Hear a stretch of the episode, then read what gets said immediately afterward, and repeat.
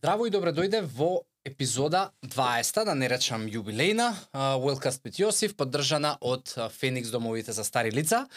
Денеска ќе имаме супер гостини, супер тема која што верувам ќе избуричка многу стомаци и ќе ве оставиме замислени и инспирирани и а, насочени кон промена.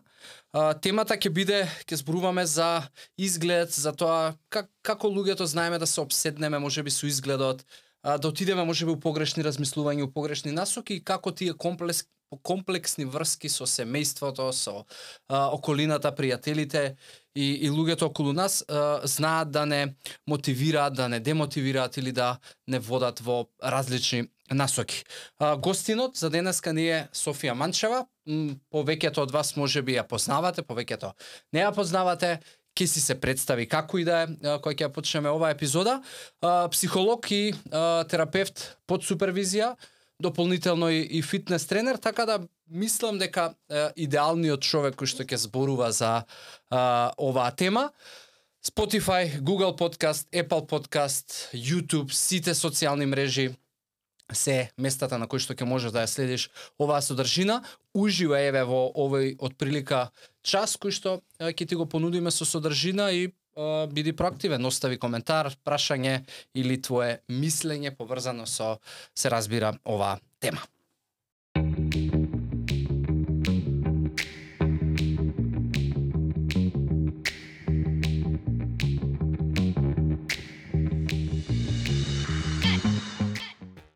Софи, добре дојде.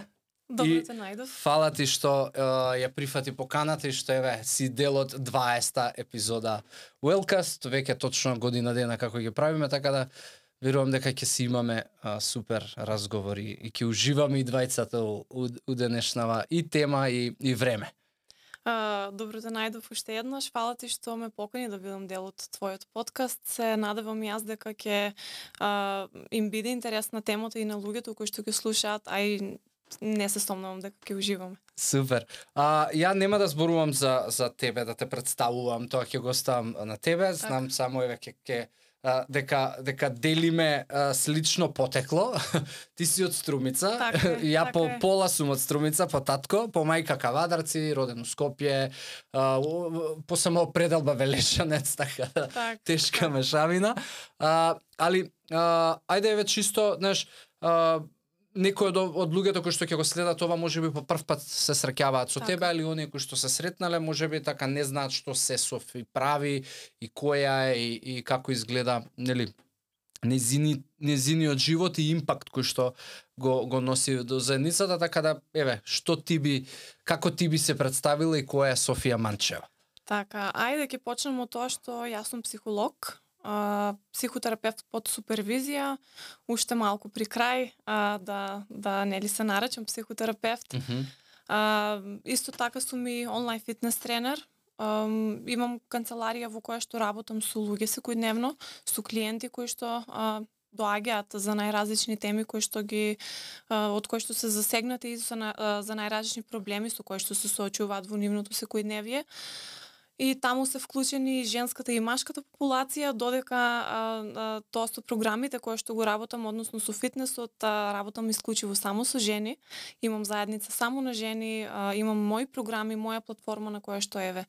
А, пробувам на да им помогнам на сите оние девојки, мајки и жени кои што а, сакаат да постигнат одредена цел да физички и ментално еве да направат некои промени. Супер. Ти, ти си со, со две љубови, уствари. Едната Така ти е фитнес, другата ти е а, психологија. Така, И види... дали е, дали е тоа а, неко, дали е поише проблем или е или е а, или е решение во смисла, знаеш еве ја кога кога си размислувам за себе лично, некогаш се, ќе се фатам сум на 400 страни.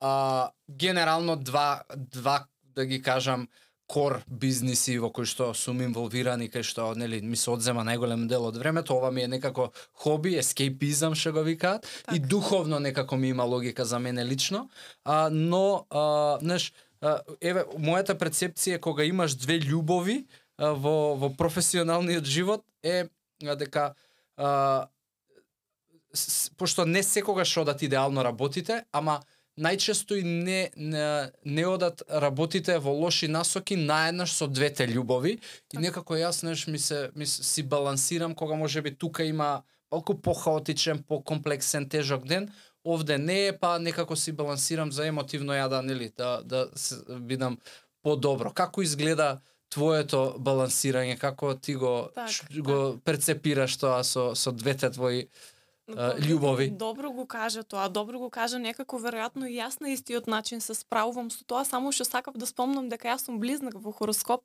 Веројатно има некаква врска, се шалам, мислам не верувам во хороскоп, него секогаш тоа го ставам како шала на своја сметка заради тоа што ако на почеток го го гледав тоа како нешто кое што може да представува проблем заради тоа што ам, можеби во исто време започнав со двете љубови кои што ми се мислев дека ќе ми представува проблем и дека нема да можам да да се насочам само кон едно нешто. Во еден момент одлучив дека ќе го земам како предизвик Мгм. и ќе пробам да направам синергија помеѓу двете.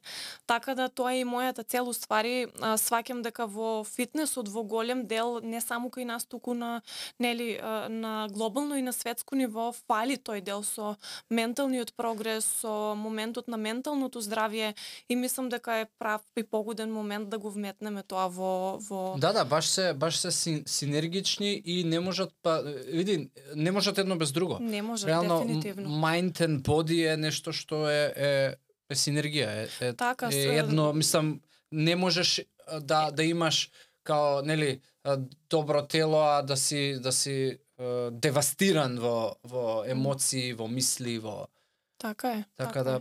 супер Така е. супер супер мисија. А Софи, денеска ќе еве ќе опфатиме повеќе а, една тема и и а, и, и подтеми поврзани со изгледот, нешто што да кажеме твое секојдневие во смисла на, нели, како како фитнес тренер цело време промовираш а, активност, а, пристоен изглед, добар изглед, да не кажеме, мислам, затоа што никој од нас, да не се лажеме, а, се, секој од нас вежба затоа што сака да постигне една поквалитетна верзија од себе. Така. И Така. физички, тоа не може да го изоставиме, но свесни сме дека а, а, тоа бркање на физичкото знае некојаш да отиде многу многу а, да ги искомплицира работите. А, и затоа што секој од нас во еден период од животот е дете, нормално таму почињаме и нормално дека а, сме изложени драматично на а, мајка, татко, односно фамилијата, Така, брат, сестра, подоцна основна школа, средна школа и така натаму. И и често а, сме изложени на коментари поврзани со со а, со изгледот кој што ги добиваме од околината. А, колку е тоа колку тоа може да влијае во подоцнежни години за јас како личност во која мера ќе се обседнам со со изгледот. Так, так. Um, ајде да почнем од тоа и да кажам дека уствари кога зборуваме за семејството и кога зборуваме за детството наше, ја зборуваме за подлогата и за јадрото кој што ги имаме. Mm. Односно, сите ние имаме некаква подлога од која што тргнуваме. И таа е таа подлога која што на нас ни дава некоја насока како да се развиваме ние во, во подоцнешните години, посебно во периодот на адолесценција. Многу зависи од подлогата која што имаме, односно од тоа како сме растени, со какви коментари сме растени, во каква околина сме растени, колку таа околина била здрава или не здрава во наводници за нас, а, а, како сме се чувствувале во таа околина и само моментот кога ќе дојде адолесценцијата е моментот кога сето тоа излегува на, на најголема површина. Mm -hmm. Заради тоа што па во тој момент а, веќе семејството не е битно, околината во која што подлогата во која што сме растени и не е толку битна колку што е а, битна заедницата колку што се битни другарите, друштвото, што ќе кажат, каде јас ќе припаднам. Сите сакаме во тој период некаде да припаѓаме. И уствари во тој период е, е, е тој период, јас би го кажала најкритичен во кој што се пронаоѓаме себе си нашиот идентитет. Што сме биле, како сме научени, што сега гледаме во новата околина. Меѓутоа, во најголема мера, мислам, сметам дека зависи од подлогата која што ни е дадена како деца. од коментарите кои што сме ги добивале, од тоа каков атачмент сме имале со нашите родители, со нашите сиблинзи, браке, сестри, mm -hmm. значи со сите тие луѓе со кои што сме растени. А добро, еве, знаеш, реално родител, нели, зборуваме за една здрава, посвесна средина. Така. И, и родители. Не зборуваме за екстремни случаеви на, на, нели, на, на семејства. А, пример, еве, нели, детето а, има покачена килажа, а, изгледот е, нели, пореметен 5 до 10 килограми плюс.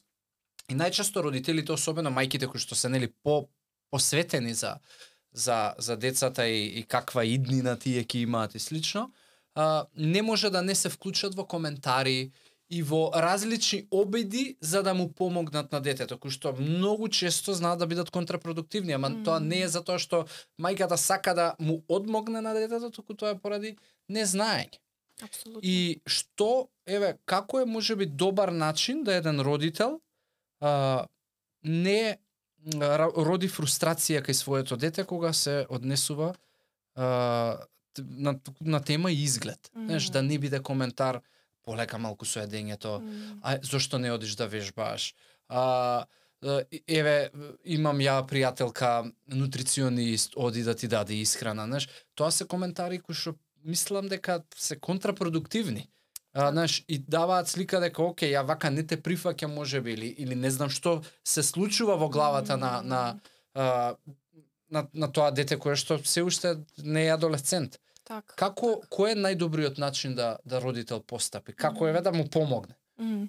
Види во во таквите ситуации ако се вратиме малку назад, прво треба да ги видиме навиките во тоа семејство во однос на храна, во однос на тоа што се јаде, како се јаде и сите тие а, работи кои, су, кои што се вклучени, но од друга страна позади а, а, зголемена килажа и позади а, а, сето тоа што се случува кај едно дете кое што не спаѓа во нормалата за таа возраст, пошто имаме некои параметри кои што ги сметаме за нормални, тоа тоа мисламе многу јасно, веројатно стои некоја друга состојба и веројатно за да стигне едно дете кое што е на, на одредена возраст до тежина која што а, не е складна во тој период, веројатно има други ситуации кои што се кријат во некоја позадина.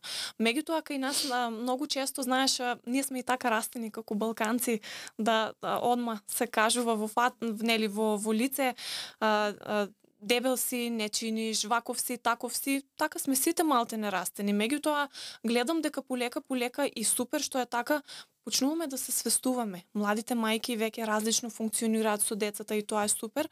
А, а, најдобриот начин кој што може да со, со кој што може да се пристапи кон едно дете кое што има такви а, потешкоти во а, не се потешкоти и во развојот, туку некои пречки, еве да кажеме, mm -hmm. што за кое што оно само не е свесно, пошто дете како дете нема да знае. Едноставно децата преку однесувањата покажуваат како се чувствуваат, не преку зборови и mm -hmm. емоции да искажуваат, е да се комуницира и да се разговара отворено односно да се оди од еден друг пристап наместо а, директно да му се кажува, да му да се критикува, да се носи во во дури некои мајки знаат и да ги навредуваат на тој начин своите деца да се почувствуваат нели по а, лошо и да почнат да прават нешто како што кажете е контрапродуктивно на тоа што треба. Да се кријат можеби. Да се кријат, значи има и многу такви деца кои што се кријат, кои што кидат кај бабите, па бабите им даваат да јадат и знаеш, тука има многу ситуации кои што се се провлекуваат, меѓутоа меѓутоа начинот на кој што јас мислам дека е правилниот начин и пристап е да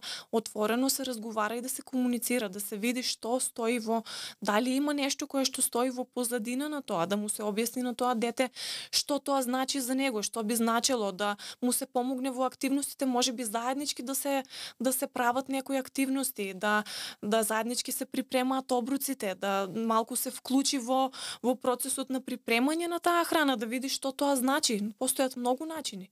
Mm -hmm. Меѓутоа, начинот на кој што знаеме а, и начинот на кој што сме навикнати дека функционира кај нас дефинитивно не е правилниот.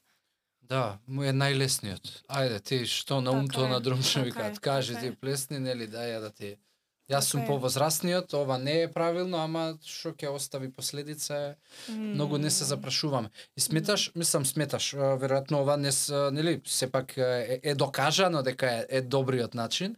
А, тоа значи дека и, и со дете можеби на на 7, на 8, на 9 години, на 10 години е е правилно да седнеш и конструктивно да разговараш и да му објасниш што значи дека е, нели, ако е оваа храна дека е, нели ке, ке ти донесе вишок килограми, е, вишок килограми, ке ти не знам, ке ти загрозат здравје, како како од прилика така би изгледало тој конструктивен разговор со со дете? Uh види, со децата е малку поспецифично, со нив се работи и на малку поразличен начин, сега зависно од возраста на, на која што се наоѓа едно дете, а, барем од моето искуство и од тоа, јас не сум мајка, меѓутоа Мм. сум психолог и сум работела со деца, а, а, од моето искуство ние имаме некои техники кои што ги применуваме со со децата со кои што работиме, нели малку мора во тие моменти и да се спуштиме на едно ниво подоле за да можеме да бидеме разбрани, а и да ги раз, раз, разбереме децата што сакат да ни кажат. Така да а, а, и разговорот и разговорот како разговор е супер, меѓутоа децата се исто многу индивидуални. Веројатно ќе зависи од дете до дете кој пристап е најдобар кон него да го примениме. Мгм. Така да многу многу има работи кои што можат да се направат, меѓутоа се е до свесноста на родителите. До свесноста на родителите да они сакаат да тргнат од еден поразличен пристап кон решавање на таквите ситуации. Дали е во ред, на пример, да ти се јави родител и а, може би нема да биде тоа во во лице, може би во твојата канцеларија да биде некаква сесија, туку да ти искомуницира од типот Софија, јас се сочувам со ова детето вака и вака, како да постапам. Дали дали е тоа во ред затоа што неш понекогаш кога е, се случува сигурно да нели да некои родители го донесат детето, као дека до детето е проблемот, као еве на психолог да дојде, а во принцип не е до детето проблемот, што- така како што кажаш, што тоа дете знае. Најчесто не е до детето проблемот. Јас работам системска и семина психотерапија и ние најчесто, освен тоа што работиме со децата, работиме и со родителите, не најчесто, туку секогаш. А, родителите се тие кои што се вклучени во, во терапијата. А, Меѓутоа за оно кое што ме праша, односно дали некој може да ми се јави да ме праша за совет и да ми каже, mm -hmm. обично не го практикувам тоа. Може би некој а, кој што веќе ми е клиент и кој што ја знам ситуацијата со кој што се соочуваат, па да дадеме одредени насоки или интервенции кои што треба во моментот да се направат. Меѓутоа, секогаш а, мојата пракса е да дојдат и да зап- започнеме со работа без разлика дали само со родителите или само со детето или со сите заедно, па после тоа нели да се даваат понатамошните Да, не не е генерички одговор као Не, не. нели кликни тука, десен клик не, и, и го реши, да. Дефинитивно не е. Не. О, добро, супер. А од друг, другата екстрема е нели родител можеби нема да биде заинтересиран многу, кој што Се случува. И полесното е, нели, као, ка, не сака да се инволвира во, во забавниот дел на детето, во едукативниот дел на детето и така натаму и најлесно е повели телефон М, м. и, и, и детето навлегува во светот на, на, на социјални мрежи. Мислам, не дека, знаеш, ја мразам а, и не ги оквалификувам технологијата и медиумите како зло, затоа што се на крај на денот е како ги користиш, затоа што има Така и е. добри содржини, има и лоши содржини, но кога си неискусен, неизбежно е дека можеш да клизнеш на на а, нели а, идеализирани слики за живот, за изглед, за а, односи со партнери и така натаму. И сега пошто денеска зборуваме за за конкретно за еве за изглед, многу често социјалните мрежи, а, не многу често, а, јас сметам дека и голем импакт имаат врз тоа а, како луѓето се доживуваат себе си. А, во смисла изгледам добро или лошо или што треба да да поправам. Мгм. А, има ли, знаеш, сметаш ли ти дека а, е one way ticket, дека социјалните мрежи исклучиво одмагаат во тоа како една личност ќе се перцепира себе си и својот физички изглед. М, Одма морам да кажем не.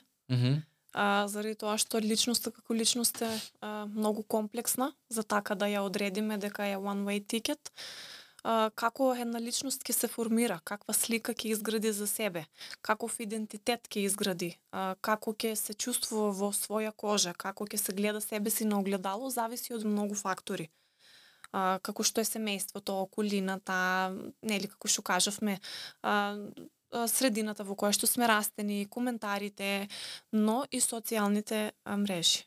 За, заради тоа што тоа е уште еден фактор кој што не смееме да го исклучиме.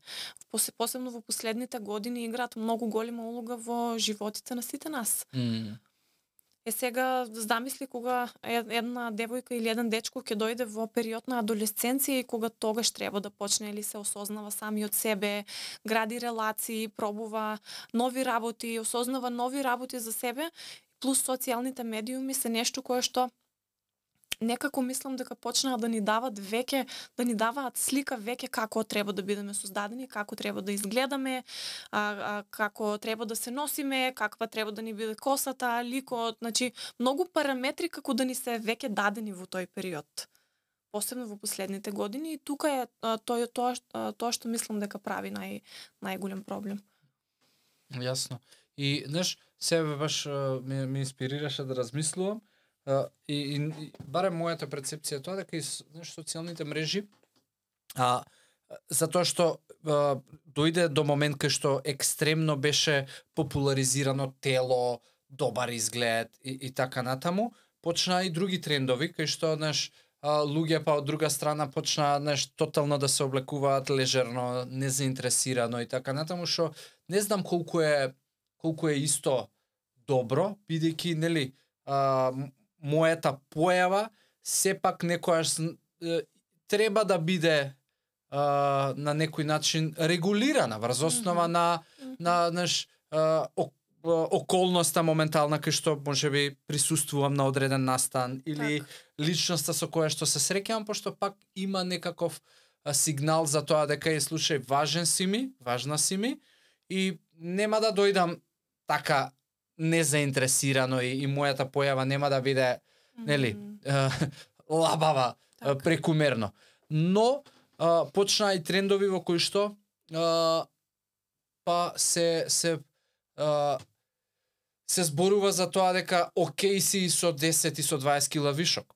Као, као боди позитивити, што е супер, во смисла да, окей, нема потреба да ги судиме луѓето кои што се со вишок килограми, пошто стварно е тоа знаеш, доволно им е тешко уште да ги судиме, а, но дали сметаш дека ти а, а, тоа помага, например, на една личност која што очигледно има нарушен изглед во контекст на килограми, не во контекст на, нели, убавина и тоа а, колку луѓе ќе речат дека е убава так, или не. Так, так. Дали сметаш дека а, таквите трендови на оправдување на а, нездравиот изглед се се во ред Mm.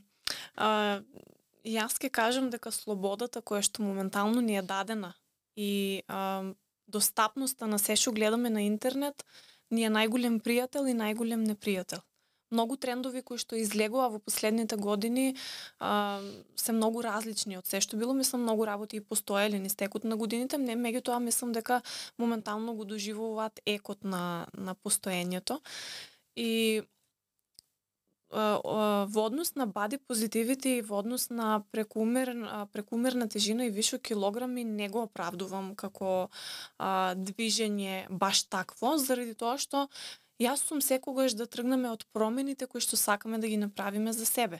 Ако јас како свесна а, а, личност и како свесна индивидуа знам дека правам нешто кое што не е добро за мене, без разлика дали е во едната или во другата екстрема, заради тоа што тука не зборуваме само за тие девојки кои што имаат прекумерна тежина. Зборуваме за тие девојки кои што се преслаби по која категорија сум била и јас. Сум живеела нездрав живот, сум а, правила работи кои што не биле во склад со тоа што како јас сакам да изгледам и во тоа како јас сакам да се чувствувам. Значи, да, а, тука тука настанува а, мислам дека тука се мешаат брзините кога станува збор за бади позитивите и за некои такви движења заради тоа што воопшто не ги судам луѓето, секој си може да си биде така и како шо, таков како што сака да биде, да изгледа така како што сака да изгледа, меѓутоа тука станува збор веќе за тоа што правиме ние за себе. Заради тоа што кога ние ќе помислиме дека ние живееме во нашето тело и нашето тело ни е единствениот личен дом кој што го имаме, тоа би значило дека треба да се грижиме за него. И јас тргнувам од тука, не тргнувам од тоа дали некој сака да ослабне, дали некој сака да изгледа поубаво, дали некој му убаво со 30 килограми вишок, тоа си е нивна лична работа. Јас тргнувам од тоа од личната промена која што треба да ја правиме колку сме посвесни, толку повеќе ќе сватиме дека треба да правиме промени. Колку сме понесвесни, веројатно ќе си ги оправдуваме тие 30, 40, 50 више килограми. Тука станува збор за свесност. Јас како свесна личност ќе знам дека едноставно морам нешто да правам различно од тоа што го правам. Ако сакам да имам здрав и долг живот, ако сакам да живеам, ако сакам да да се чувствувам добро и така натака. Well said. А дали ти си имала периоди кога сум а, може знаеш сум била по а, конкретно сум била фокусирана на вежбање и на а, дисциплина со храна во контекст на кратење на многу калории за да и, а, знаеш, изгледам добро затоа што сум тренер и дали тоа се променило во текот на на годините дека не затоа што имам одредена професија или титула или треба нечи очи да задоволам. Так, так. а, туку поради себе. Дали ти си доживеала таква трансформација? А, откако сум тренер и откако, откако ова професионално го работам, а, не би кажала дека до толку екстремно сум се држала заради mm -hmm. тоа што сум јас, јас сум во категоријата на девојки и жени кои што цел живот се мачат со накачување на килограми. Mm -hmm. Никогаш не сум била на многу рестриктивни диети, никогаш не сум била И устари другиот проблем другиот го имаш. проблем сум го имала. Да, никогаш не сум правила премногу кардио, меѓутоа сум била во другата страна, односно сум била во страната тоа може би е пред да започнам професионално да се бавам, пошто тогаш веќе некако ми беа чисти сликите во глава што е тоа што mm -hmm. го правам. Меѓутоа претходно мојата борба беше во однос на тоа дека јас тргнав конкретно да вежбам за да постигнам некако физички изглед. Тука немаше ништо друго освен јас да стигнам да изгледам како некоја девојка што сум ја видела на слика. И тоа беше мојата главна цел. И после ни стекот на годините со сите промени кои што се случува, јас сватив уствари дека или девојките што ги гледам на слики се нешто кое што јас не можам да го достигнам, или некој од нив сум можела и подобро да од некој од нив сум можела и подобро да изгледам. И тука некако веќе сваќаш дека а, единствениот човек со кој што треба да се споредуваш и да се надпреваруваш си само ти. Другото е се не, нереално, другото е се се што гледаме е онака. Да, да, далечно. Да, поима немам за таа личност ни што живот има никакви цели има ни ни зошто тоа го прави, а важно сакам да да биде така. Mm. Што е многу абсурдно. А дали ти се случило да ти пише некоја личност, девојка конкретно нормално, а, сакам да изгледам како тебе. Дали тебе ти се случило да може би некој те доживува ко као, знаеш, да ја направи истата грешка како ти што си ја направила, и сакам како оваа да изгледам. И да ти има речено, е Софија, сакам како тебе да изгледам, кажи што да правам. Многу ти, ти се случува и, и што е твојот коментар на тоа? Затоа што види, за мене е ова очекувано, пошто, знаеш, сепак е, изгледаш супер, одлично, атрактивно, нема да ми изненади да, да мислам ќе ми изненади да немаш коментари mm. и, и, и барања Софија сакам како тебе да изгледа. Многу и, често. И, што е твојот uh, одговор на, mm. на таква порака? Секогаш гледам да сум многу директна и да одговарам на тие пораки заради тоа што таквите очекувања се нереални. Значи, кога некој сака да изгледа како некој друг човек, едноставно невозможно е. Баш а, вчера размислував за тоа, а, а, не знам, некоја тема отворивме и си викам како може да има две исти пеперутки? Како може да постојат две идентични? Mm. Како можеме ние нашите тела една со друга да ги споредиме и да кажеме јас сакам да имам како твојот струк или сакам да имам како твоите облини или такво mm -hmm. нешто. Како можеме тоа да го посакаме за себе? Пак ќе тргнем од себе. Како можеме тоа да го нели ние можеме да да се огледуваме на некој друг и да гледаме не, гледаме некој да ни биде инспирација и мотивација за а, а, резултатот кој што го постигнал, за животниот стил кој што го живее, за тоа сето што го прави. Меѓутоа конкретно ако се врземе за физичкиот изглед е многу нереално да го очекуваме тоа од себе заради тоа што види јас имам и девојки со кои што додека држав индивидуални тренинзи, додека ние трениравме, а, има таква генетика што успеваа за многу пократок период од мене да направат мускулна маса. Mm -hmm. И тоа беше најголемиот доказ колку ја сакав на нив да им докажем дека едноставно само они самите на себе треба да си бидат репер за тоа што е најдобрата верзија од нив да ја направат, а не да се огледуваат на некој друг. Јасно. А, има една терминологија, што морам и да ја прочитам за да не сгрешам, а, дисморфично нарушување на телото. Дисморфија, да. А, и тоа е, дали, значи тоа, колку што јас успеав да го разберам, е а, преголема обседнатост со, со телото, а, со огледалото, со цело време пипкање, судење, секојдневно може би по неколку пати, веројатно и на вагата а, да цело време бидеш присутен Мерење, така. и слично. Како настанува такво нарушување? Кои се, знаеш, кои се чекорите до таму и дали постои а, кои се сигналите за една личност да препознае дека може би забегува на на Мгм. тој пат Мгм, кон Тоа, такво нарушување и да може да крене рачна. така. Телесната дисморфија е уствари состојба која што не секогаш преминува во нарушување. Добро. Некогаш може да биде и само како состојба која што се појавува во одреден период во, во животот. Нарушување веќе ако е, тогаш се испитуваат и а, нели трансгенерацијски дали има некои наследни такви ситуации и се се се испитува и Аха, тоа позадината. може да биде значи и А, се испитува трансгенерацијски, кога кажувам, мислам на поширокото семејство и на, на тоа што се случувало низ годините со другите семејни членови. Меѓутоа, кога се јавува како состојба, може да биде и од а, самата средина во која што една индивидуа се наоѓа. И пак ќе кажам, обично се јавува некаде во периодот на адолесценцијата, заради тоа што тоа е тој најкритичен период во кој што не сме сигурни во себе и не знаеме на, на кај тераме. Мислам дека сите го имаме некако така поминато.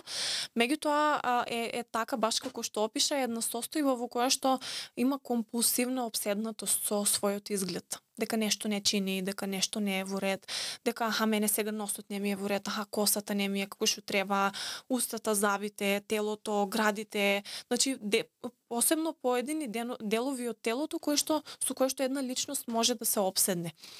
И, и некогаш се случува дури и тие личности да прават естетски корекции, меѓутоа тоа да оди во неповрат. ке го поправам едното, па ќе сакам друго, па другото нема да чини, па кога кога ќе го поправам другото, па трето нешто ќе излезе и па тоа се е еден оваков нос со оваква уста не оди, па чекај ова, па и, коса. а, а, тоа е уствари еден круг од кој што а, мислам дека малку е потешко да се справи една личност сама во, во еден таков период. Дали дали естетската корекција барем до некаде ја оправдуваш? Во смисла, не знам. А, еве, денеска е многу популарно нели србите што викаат да се пецнеш малку со Так. или устни и слично. Так. Што е еве чисто ми сам ова е out of the box, нели Аха, не, ни- не така. беше планирано, ама чисто ме интересира. Ако, ако а, а, немам ништо против естетска корекција, Мгм. а, но не оправдувам а, да се оди во екстрема, односно да се менува личниот опис на една личност и на една, индивидуа, иако секој може да прави така како што се чувствува најдобро во своја кожа, меѓутоа не оправдувам зошто, заради тоа што тука веќе има поголем проблем. Ако ти сакаш сам да си го смениш личниот опис, тогаш имаш поголем проблем од физички да изгледаш подобро.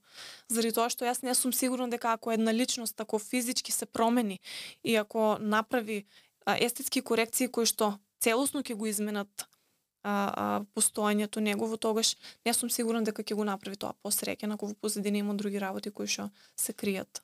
Сигурно е тоа нешто многу подлабоко и по Само заради таа причина не го оправдувам тоа, иначе не сум против, не сум против а, ам, оние луѓе кои што сакаат да направат некои промени кај себе, има луѓе кои што имаат направено естетски корекции, а не се ни приметуваат, така да тоа си е личен избор. Ти си размислувала некад? Па, а, сум размислувала да ти кажам, секој од нас има некои работи кои што сака да ги промени. У период од живот, Да, период на да не се тетовирам, да не се тетовирам, да, па да, знаеш, а, ние како јас посебно еве за мене ќе зборам и како тренер, почнуваш да вежбаш, телото ти се менува и некои делови од телото ти стануваат можеби во некои периоди а, м, а, како да кажам, нескладни. Си размислуваш, си викаш, аха, чекај се, ако ова е различно, како ќе изгледам. Меѓутоа, некако се цел време се се враќам на, на тоа да се подсетувам која сум јас, што сум, зошто го правам тоа што го правам и ми се, ми се сталожуваат тие мисли. Супер. А, имаш, а, не, не знам колку време помина, веќе ама 2-3 години од прилика, ако не се лажам. А, пошто со коронава нака ми е избришано некои Так, так. делот од, од животот. А, помина низ еден ролер коустер на, нели имаше сообраќајка, Так. а, имаш операции, закрепнувања, белези кои што ќе си ги носиш до крајот на животот. Имаше следствено на тоа и нели уназадување во перформансите, во формата и така натаму и и тоа е еден ролер коустер кој што е е знаеш прво с, с таквите ситуации се тотално неочекувани, нели никој не планира утре ќе направам Така сообраќајка. Така е, така е. А, како на, на тебе влијаеше конкретно а, нели, како те удри реалноста и фактот дека слушај ја ова што еве сега го имам на нозеве ќе ќе биде доживотно Мгм. со мене. А знаеш споредено со тоа дека си била личност која што нели како фитнес тренер, како како атрактивна личност си била 100% горда на Така, на тоа какво тело си си изградила. Што се случуваше кај тебе из еден таков процес и како се врати назад у, у игра? Па дури така смогна храброст да имаш фотосесија со тие а, со многу јасно изразени Така, лузни така. и што што верувам инспирира многу жени. А, како што кажа ти, тоа е ролер костер. Мгм. И лузните некако најлесно ги прифатив. Некако си се дел од мене веќе. И а, наш многу пати ме прашувале и зошто не се ставиш тетоважа на лузните или било како, меѓутоа м, ниту ми сметаат, ниту пак ги сметам дека нешто ме ме означуваат како едноставно некогу ќе заборавам искрено дека ги имам.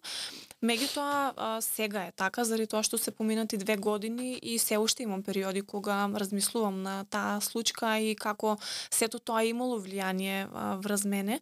Меѓутоа морам да кажам дека веројатно да не се случише некоја таква ситуација, немаше да го имам тој мајндсет кој што го имам сега, заради тоа што во тој момент се враќаме на јадрото наше, се враќаме на тие првичните вредности кои што секој од нас а, ги сака, мислам треба да ги има.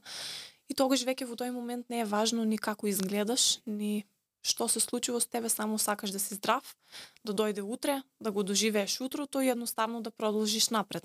Благодарен си што си жив. Апсолутно, на секој момент си благодарен. Јас затоа секогаш викам од таквите ситуации или ќе одиш во екстремата да се само сожалуваш и да се прашуваш секојдневно зошто баш јас, зошто на мене, зошто мораше вака. Посебно јас со мојата професија сега веќе никогаш можеби нема да биде исто. Или ќе одиш во другата страна и ќе си кажеш it's okay. М. Што е тука е? Одам напред. Што можем да направам од тука па напред? Може би ово што ми се случило ме заштитило од нешто многу поголемо. И со таа верба, а, а, таа верба е таа која што мене ме носи напред. Таа е таа верба која што мене ми кажува дека едноставно ниту една лузна моментално на моето тело не може да го смени тоа што јас го носам во себе. И јас морам да кажам дека и брзо се вратив и на вежбање и на тренирање, а, не е исто. Мислам дека и никогаш нема да биде исто, не е подобро. Аха. Не е подобро, а, а, а меѓутоа јас се По научив која да се смисла не е подобро? Во однос на перформанс, во однос Аха. на, на, на слабост. Значи, јас таа нога се уште ја чувствувам слаба, значи не се исти двете нозе. Кога ќе се погледнам вака, се различни. Едната е послаба, другата е и затоа треба време да пројде додека да, да се опорави се, сето тоа. А, меѓутоа научив да се прифатам, да се да се прифаќам во секој момент баш таква каква што сум, заради тоа што немам друг избор. Да. Немам предходно, може би сум си викала, аха, ајде бе сега уште едно, две, три кила плюс, ако ова го направам ќе изгледам подобро. Сега веќе не си го викам тоа, заради тоа што сега веќе од ден за ден изгледам само подобро, оти сум тргнала од а, нај-лоу а, ајде да кажем за мене. Така да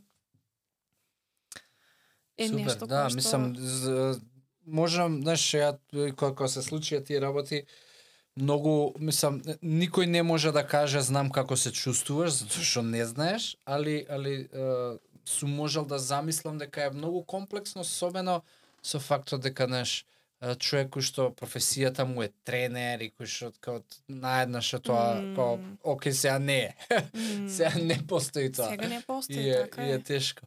А, види, може би не е исто во смисла на физички, ама ја верувам дека не е исто ни во смисла на, кој што кажа, твојот мајндсет сегашно, Мм. како е Софија созреана, како таа ситуација и помогнала да да се издигне знаеш таквите ситуации и проблеми некојаш ти прават а, знаеш кога ќе дојде можеби некој друг проблем во животот ти е толку минорен и, и небитен затоа што си благодарен дека Различна перспектива ни даваат Мм. на работите, различно некако учиме да ги да го гледаме животот на поразличен начин малку.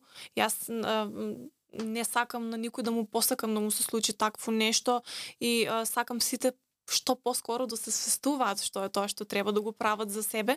Меѓутоа еве мојата лекција била таква, веројатно Така требало да се случи нешто такво за јас да знам во која насока сакам да се движам.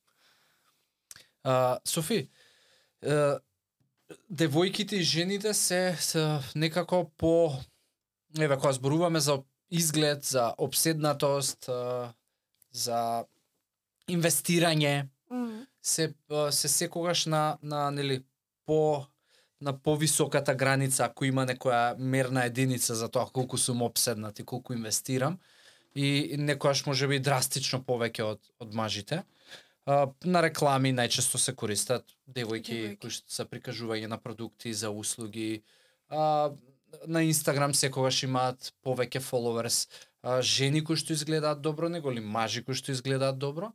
А, и обратно. Н- Зошто зошто кај жените е поголем а, спотлајтот с- кон изгледот и обседнатоста? И дали ај тоа кажи го па ќе го ќе го Да размислувам, знаеш, тоа е прашање едно кое што за кое што можеме многу да дискутираме, меѓутоа јас би спомнала тука едно нешто, а тоа е дека уште ако се вратиме години наназад, жените се тие кои што а, биле учени да, нели, да се тие они тие кои што се прикажуваат на тој начин. Па измисля нели шминкањето, дотерувањето, курсетите, значи сето тоа е направено за жената да се прикаже во едно такво светло. Мажот е тој кој што е ханта, ајде така да кажам, а жените се тие кои што е сега не се слагам со тоа, веќе многу се изменети сите тие Мгм а, а, сите тие а, вредности и подобро што е така, меѓутоа мислам дека уште од Сепак има нешто од било, биологијата Да, кое што да. не може да ги направи 50-50, А и но да, и самата биологија и, та, и самото тоа како ние сме создадени, нели, и, и, и физиолошки и биолошки ни налага да а, и хормонално, значи не смееме тоа сето да, го- да го исклучиме заради тоа што не нели за џабе жените се со повеќе естроген, мажите се со повеќе тестостерон и така да, значи тоа не можеме да ги изедначиме 50-50 во во таа насока. И, А, дали дали можеби би колку има улога а знаеш а, моментот дека нели а, се менува како што кажа, но дали има улога и тоа што порано нели жените многу немале права, немале глас, биле нели за дома и за тоа што мажот ќе каже, дали можеби мажите се тие кои што наметнале дека нели ти треба пошто си ми мене жена и нели представуваш некаква си слика и за мене за да не ја наградиш таа слика, треба да да изгледаш, да се грижиш, да да си оптеретена со со физичкиот со физичката појава. Оф, не знам што би одговорила тука, заради тоа што има култури во кои што жените се целосно покриени. Mm, И да. да. мажите ги гледаат, само мажите смеат да ги гледат а, по дома, така да не би се согласила во однос на тоа и не, не Добро. сметам дека е нешто кое што мажите го наметнуваат а, како такво. Океј. А дали од друга страна значи дека мажите воопшто не им е важно како изгледаат? Мгм. А, и и знаеш и дали сметаш дека а, мажите се оптеретени со изгледот, но а, нели ноншалантно а, прикажуваат дека а, им е баш гајле. По смисла, имам вишок, ама нели, ајме, маш без 100 кила не е маш. ја, ја го користев тој, тој а, таа терминологија која имав стои 5-6 кила. А, не знам, или нели капитал е мојот стомак и така натаму. М. Сметаш ли дека влијае на самодовербата кај кај мажите? Изгледот. А, кај мажите? Па сметам дека влијае. Сметам дека влијае изгледот кај секој човек. Само кој човек по- повеќе или помалку го прикажува, кој човек повеќе или помалку вешто го прикажува. Аха. Тоа тоа го сметам, иначе ам, сметам дека исто така има влијание и кај мажите, само мислам дека мажите не не толку јавно и не толку често зборуваат на таа тема. Не е уште толку а, популарно колку што е кај, кај нас жените да ние цело време сме обседнати со изглед за тоа како изгледаме, што носиме, како се облекуваме, а, как колку кила имаме, ка- каков е нашиот физички изглед, не дека и мака и мажите го нема. А, веќе значи по социјалните мрежи можеме да видиме и многу мажи кои што се се се грижат за својот изглед И го од секогаш експонираат и го експонираат и исто така и како и жените и го работат тоа што го работат. А, меѓутоа морам да спомнам дека се уште не се гледа исто кога еден маж ке на пример ке зборува и кога ќе се прикажува јавно во однос на својот физички изглед и кога една жена го прави тоа. Туку уште имаме малку неравноправност. Малку повеќе. Малку повеќе и за тоа не се согласувам. Океј. А Софи, а конкретно изгледот често знае да биде причина да се изолирам од одредени активности. Во смисла, знаеш, еве ја тоа сум го гледал пошто и порано работев со со нели со луѓе во смисла на исхрана, школите за исхрана кои што ги правевме програми, а, им правев и им помагав во процес на менување на навики во исхраната. И точно знам, знаеш, бидејќи јас сум го минал процесот на на сум имал више килограми, па сум решил да менувам нешто и сум го одел патот и некако природно ми беше да работам со таа група на луѓе кои што најчесто имаат вишок на килограми.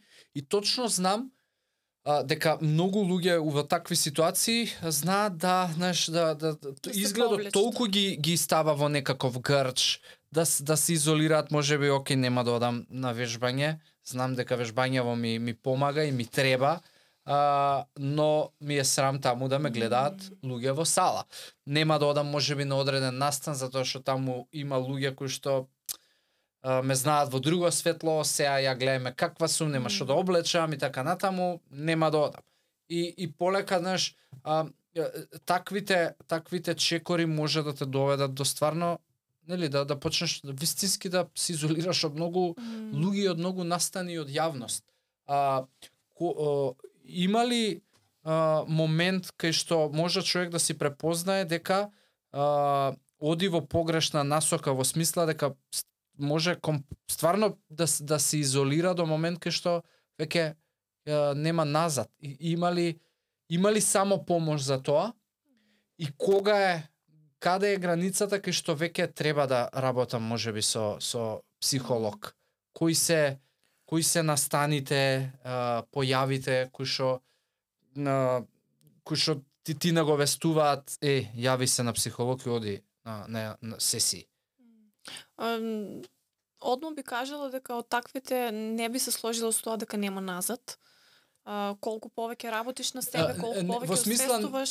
Да, окей, Да, извини. да, те разбрав, те разбрав, Добро. меѓутоа сакам да го појаснам за да им биде појасно и на луѓето, оти веројатно има луѓе кои што се соочуваат со такви ситуации, можеби и они си мислат, од тука нема назад. И јас лично сум го слушала тоа, меѓутоа тоа е погрешно уверување кое што што го имаме за себе. Ам, и во, од моје искуство, оно кое што можам да го кажам, таквите личности, првите знаци кои што ги добиваат во однос на тоа дека се повлекуваат од сето тоа, од секојдневието кој што им- се случува, се многу слични а, а, симптоми кои, кои што ги има и еден депресивен, анксиозен човек. Значи, повлекување, промена на расположение, негативни мисли, а, а, не знам, а, одење се, криење со храната, односно правење некои ситуации, емоционално јадење, одбегнување на контакти, од, одбегнување на јавни настани, може би, не знам, менување на облеката, менување на стилот кој што и а, Уствари со тоа а, треба да сме свесни во тој момент дека ние само пробуваме физички да да го прикриеме тоа што ни се случува и тие се првите знаци кои што можат да ни кажат дека можеби е окей, можеби нешто не е окей со мене, можеби ми можеби треба нешто да променам, ми треба помош, ми треба нешто различно, што се случува. И тука е моментот кога треба да се охрабрат тие луѓе јавно да прозборат, не јавно, во јавност, него Да. да, да разговараат со некој кој што им е близок за тоа како се чувствуваат. Ти, знаеш, сите ние знаеме во тие моменти дека не ни е баш окей, дека нешто тука ни игра, дека нешто не сме баш окей со себе, дека не се чувствуваме добро во своја кожа и многу луѓе се плашат да прозборат заради тоа што најчесто мислат дека нема да бидат разбрани како што и во многу ситуации се. Оти кога некој адолесцент или во подоцнежните години ќе каже дома нешто дека нешто не ми е окей, добро да е окей. Ќе се минимизира проблемот, ќе ослабнеш или ќе се поправиш или ништо не ти е, ќе ти пројде за Е, недела две. има, ајде ќе е, биде. да, шо ти фали, ништо не ти е или било како, ајде, дигни се као, ништо не Мгм. ти е.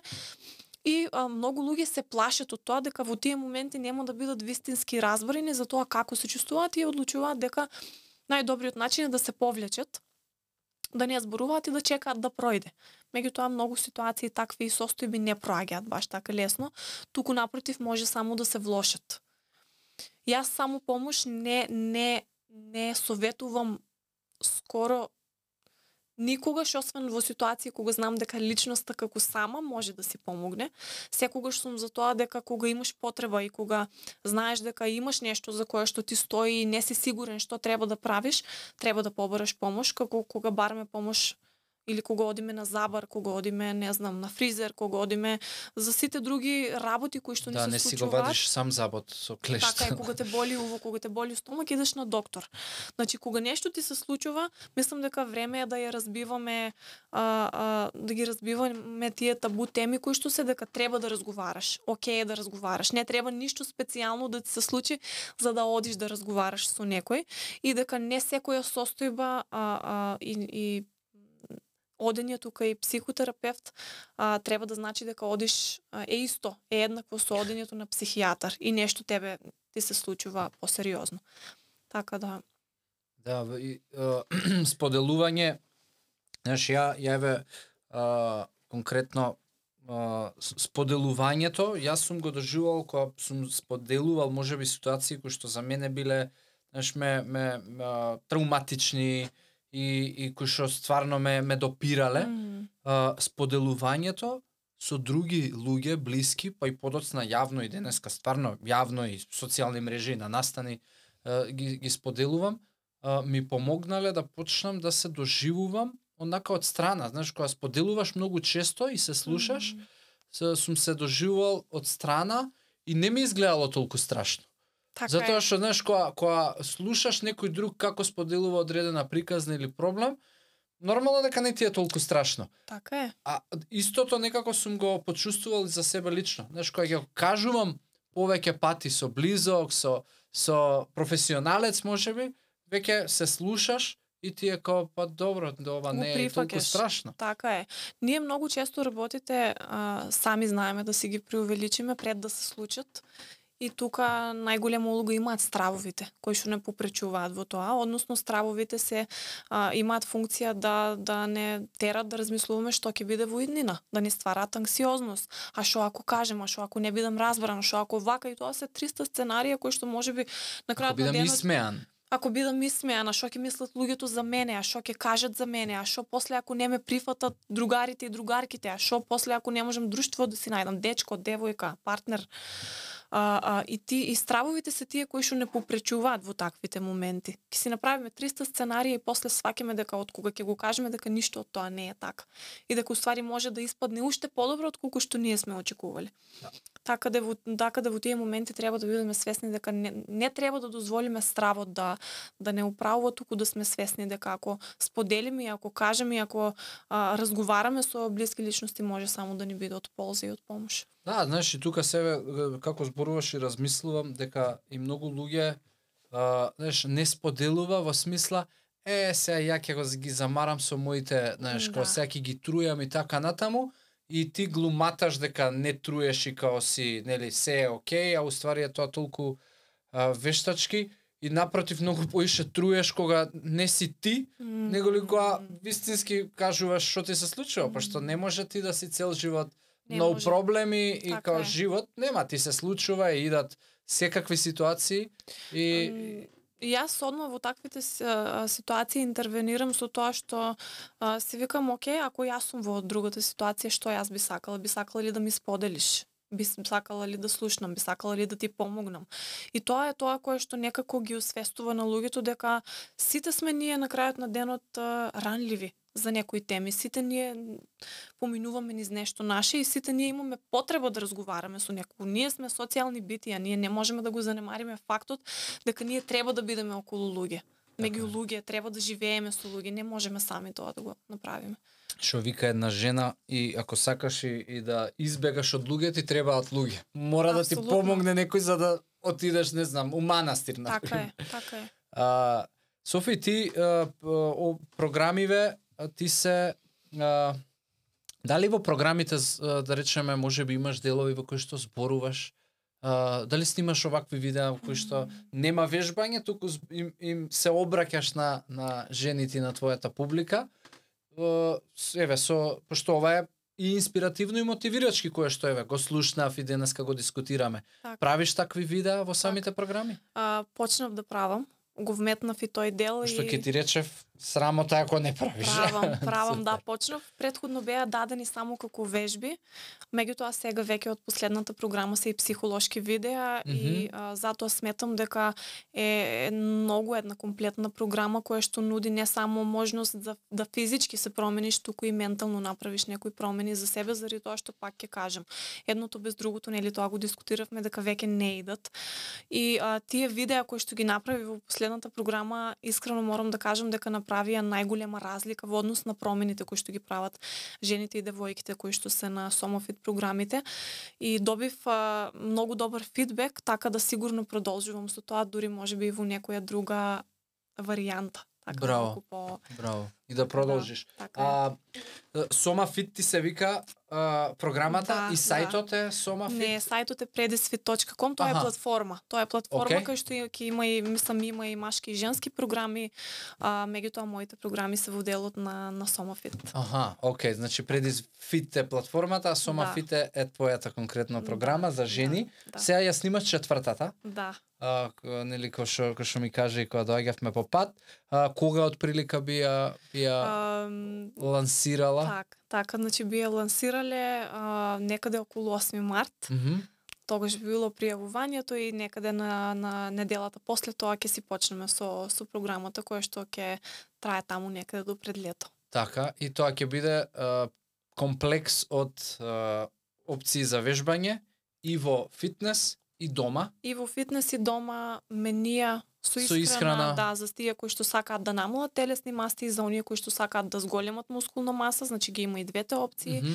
И плюс делот за менталното Хигиена. психотренингот, ајде така да го кажам, психотренингот кој што ќе биде дел од тие програми, кој што повторно ќе биде во вид на психолошки видеа, во насока нели на темите кои што ќе ги ќе ги опфатиме со а, девојките и жените кои што ќе бидат дел од програмите и плюс вежби кои што ќе можат да им помогнат и на лист хартија да видат до кај се, што се, кои се промените кои што треба да ги направат и Јасно.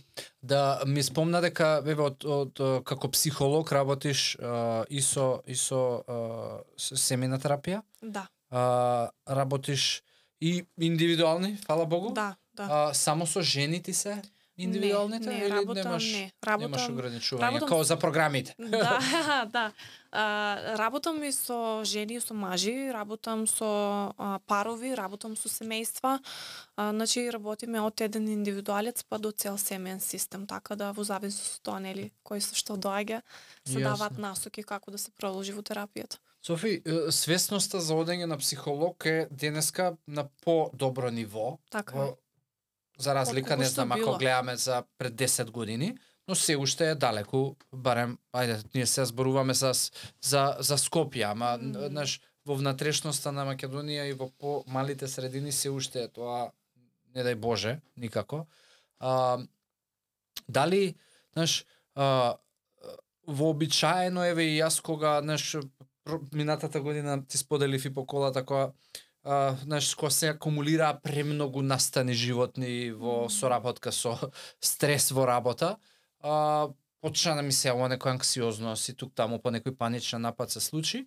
Знаеш, и, и еве, пошто сум свесна личност а, и, и читам и така натаму, некаде во тие а, а, нападствија, нели, за како човек да реагира, како Така. да да си помага и слично, пишува дека нели а, доколку предолго и а, се случува ова и доколку поч, почнуваш да се изолираш, доколку почнуваш нели овака да размислуваш, така да размислуваш, тогаш е време да се појавиш на психолог. Е сега, а, знаеш, а од друга страна, а, а, ја што знам, знаеш, тие се во ред нападствија, ама сметам и дека можеби а, зошто треба да чекаш да дојдат одредени а, знаеш, екстремни е, ситуации кога ќе се појавиш на психолог и дали сметаш дека ќе дојдеме во време и ќе живееме во време за 10 или 20 години од сега кај што одењето на психолог ќе биде нешто као одење на фитнес, кај што можеби ќе имаш subscription и ќе ќе биде сосема нормално да отидеш да Мм. да поразговараш и нели да, да си споделам што ми се случувало месецов, како сум се чувствувал и така натаму. Има некои земји во кои што имаат и матични психолози. Да, Сам- у, не го да, знаев тоа. Да, има и а, јас не сметам дека треба да дој, да чекаме да дојдеме до нешто за да за да одиме да а, разговараме со некој и да се грижиме за нашето ментално здравје заради тоа што дури и здравите индивидуи некогаш имаат потреба да на различен начин се видат себе си од една друга перспектива. Оти одењето на психотерапија не е само обичен разговор.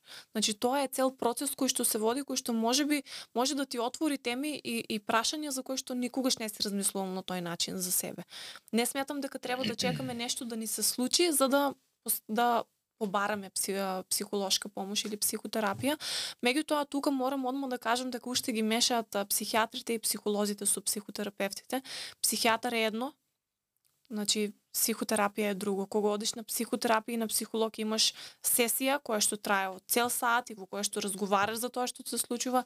Психијатрите обично се оние луѓе кои што а, а, а, даваат одредена терапија за одредена состојба која што ти се случува и секако ние суработуваме со нив оти некој пат во таквите состојби има а, потреба да биде подкрепено со некаква терапија. Меѓутоа мора да се направи таа јасна разлика од а, нели што е психијатар, што е психолог, што правиме кај психијатар, што правиме кај психолог или психотерапевт. Така да мора тука да да постои тоа, а дали ќе дојде такво време, јас ќе бидам најсрекна да да дојдеме и да живееме во едно такво време во кое што сите ќе се отворени, да работат на себе и да разговараат да нели со со терапевти да идат на сесии да а, а, се отвараат за некои ситуации кои што им се случуваат. Да, не, ја верувам дека ќе дојде работаве за колку време. Али веројатно малку- еве вака на зборувајќи на тие теми, така само ќе дојде. Така, одиме на подобро. Тоа морам да го кажам. Дури јас сум среќна што и многу родители се свесни, многу родители во поголем процент се свесни за тоа што им се случува и на децата и на нив и се јавуваат на терапија, многу млади девојки, жени, дечки свесни дека им е потребна помош и они сами бараат помош, така да одиме на подобро. Да, браво. А Софи, ни, ни, ни пројде веќе а, саат време, отприлика, Така. близу саат, мене ми летна време. Така, исто и мене. А, да, уживав у разговорот и, и а, верувам ке ќе имаме прилика мислам и надвор од подкастов да си разговараме еве за убави теми, за убави а, за продуктивни а, теми и за и посвесен муавет отколку нели врнеше и, и не врнеше и ладно е. А, фала ти што ја прифати а, поканата а, и што го збогати еве а, содржинскиот состав на на Wellcast with Јосиф и се надам ке се е, дружиме пак у некоја наредна епизода, тогаш без супервизија Така. и со така. многу повеќе искуство. така, фала ти и на тебе, Јосиф. А, баш ми беше пријатно, мислам, ептен убаво се чувствувам и а, се надевам дека ќе се дружиме. повторно. Апсолутно. Thanks. Thank you.